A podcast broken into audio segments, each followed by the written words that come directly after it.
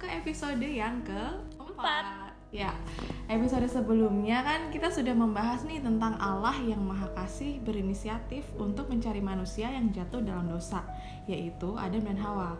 Tapi nggak hanya sampai di situ, Allah yang Maha Adil menghukum mereka keluar dari Taman Eden.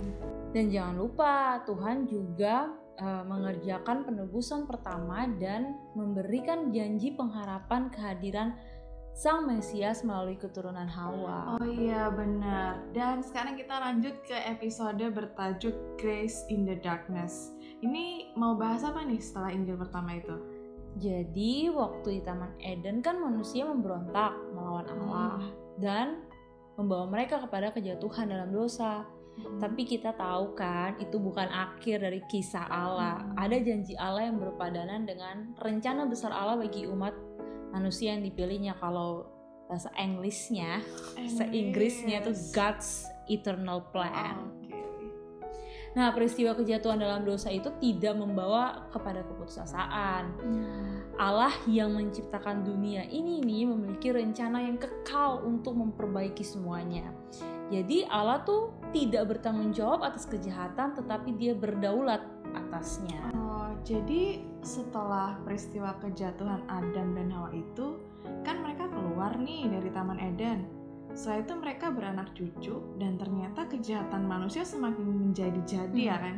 Sampai tibalah masa di mana Tuhan itu murka dan muncullah peristiwa air bah itu. Iya, dan air bah ini muncul sebagai satu ekspresi dari keadilan Allah atas dosa terutama kalau kita baca di kejadian 6 ada kejadian 11 juga yang sungguh mengungkapkan betapa brutalnya manusia terutama sih kejadian 6 itu sih. Sampai Allah tuh mengatakan uh, ia menyesal menciptakan manusia. Oh Allah bisa menyesal juga ya?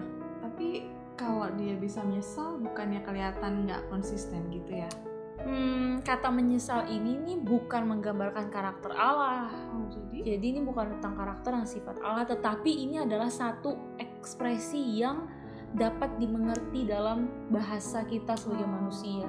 Dan di dalam kejadian 6 ayat 8 itu uh, firman Tuhan mengatakan bahwa Nuh mendapat kasih karunia di mata Tuhan Tuhan berkata kepada Nuh, aku akan mengadakan perjanjian denganmu. Ini maksudnya perjanjian yang gimana sih? Nah, perjanjian ini adalah satu konsep penting dalam Alkitab teman-teman yang kita harus tahu.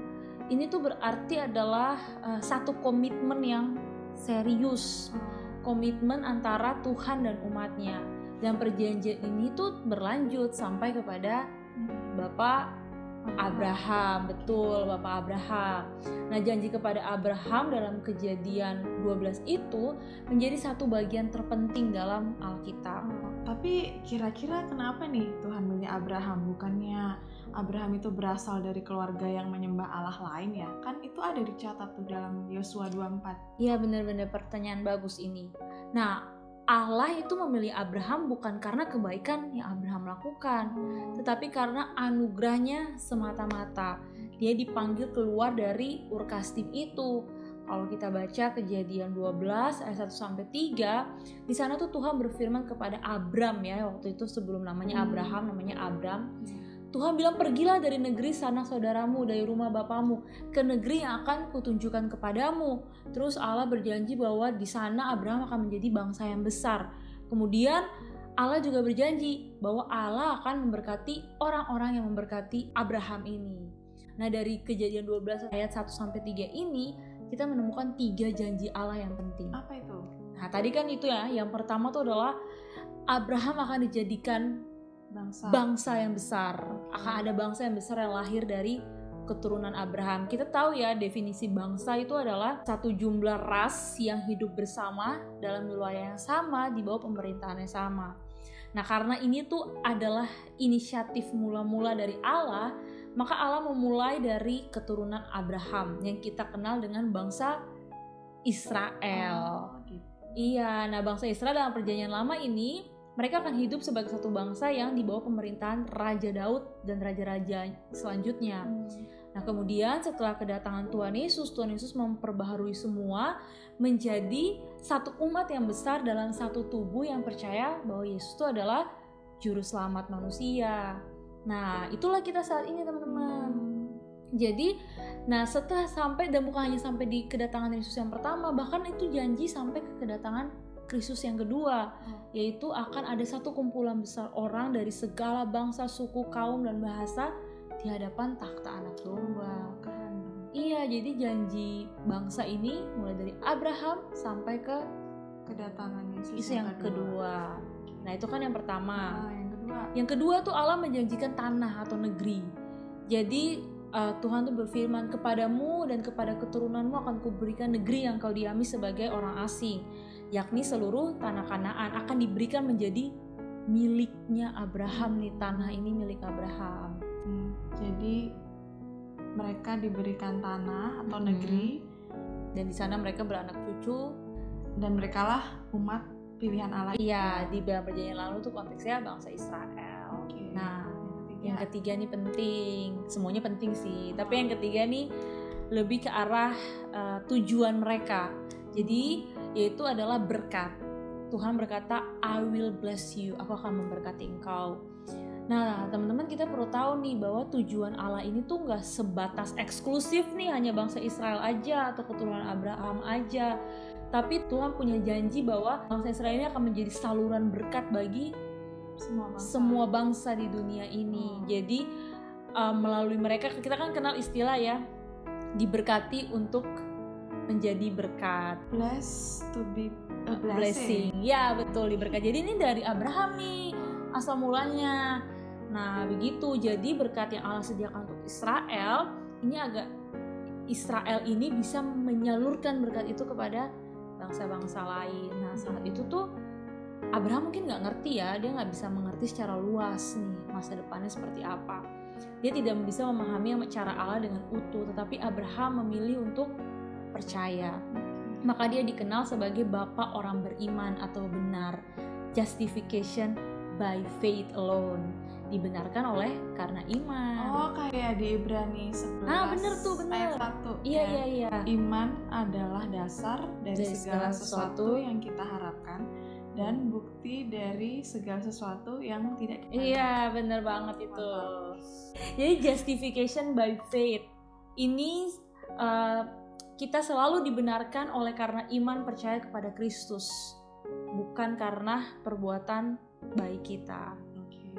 Oke, berarti grace in the darkness ini bicara tentang anugerah Allah ya yang dinyatakan di tengah kegelapan dunia yang semakin penuh dengan dosa. Iya, dan anugerah ini mula-mula dinyatakan melalui bapak-bapak leluhur dalam Alkitab ini, yaitu dari Nuh, kemudian Abraham, Ishak, Yakub, sampai kelahiran Yesus Kristus. Oh. Nah, kita tuh nggak pernah layak sih untuk mendapat bagian dari kerajaan Allah ya kalau kita lihat bapak-bapak ini.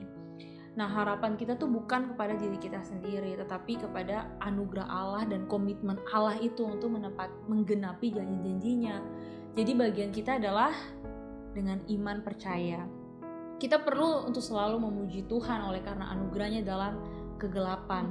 Dan kita perlu seperti Abraham yang taat dan percaya kepada janji Allah yang begitu ajaib. Wow, lagi-lagi di episode yang sudah keempat ini secara konsisten Allah tuh kayak nggak pernah berhenti tunjukin kasihnya ya buat manusia. Betul. Mulai dari penciptaan, terus manusia udah jatuh ke dalam dosa, dia masih tunjukin kasihnya. Sekarang manusianya udah nggak ada lagi di Taman Eden, bahkan dia sudah kayak menjalani hukuman, masih aja dikasih anugerah. Ya begitulah cinta Tuhan yang tak terbatas dan tanpa syarat. Iya, Ya, itu betul. bisa jadi satu hal yang bikin kita terus bersyukur gitu kali ya dan terus mau buat rindu untuk balas cintanya Tuhan. Taatlah sama Iya. kehendak Dia. Mungkin sulit tapi ya itulah titik di mana kita berserah dan mengakui kelemahan kita. Dan kita perlu ingat juga kalau Tuhan yang memilih Dia yang akan memampukan kita. Oh, ya, Kayak bagus. Abraham kan, Abraham dimampukan untuk taat. Iya, tapi kita sering lupa tuh bagian itu bahwa Tuhan akan memampukan kita. Iya. Bisa jadi kan kita lebih kayak terpengaruh sama pikiran kita sendiri. Mm-mm. kayaknya aku nggak mampu deh tapi kita lebih fokus ke situ nah yaudah aku nggak mampu nggak Iya. usah kita kita lupa bahwa Tuhan tuh bakal mampuin gitu loh Kayak aku kasih contoh satu sih, eh, kisah Nuh tadi ya. Nuh itu kan dia Allah menyuruh dia untuk membangun bahtera di tengah di atas gunung gitu. Itu kan suatu hal yang nggak mu- kayak mustahil. mustahil kok. Bahkan dia diolok-olok juga. Iya kan dia waktu diolok-olok itu. tapi dia tetap konsisten. Mes- kerjain. Ya meskipun Alkitab nggak tulis mungkin dia uh, sedih, mungkin dia bingung, tapi dia tetap kerjakan, dia tetap Hmm. kerjakan sampai akhirnya terbukti. Iya, dan dia buatnya di atas gunung pula. Iya, kan? bukan di tepi pantai. Iya, benar.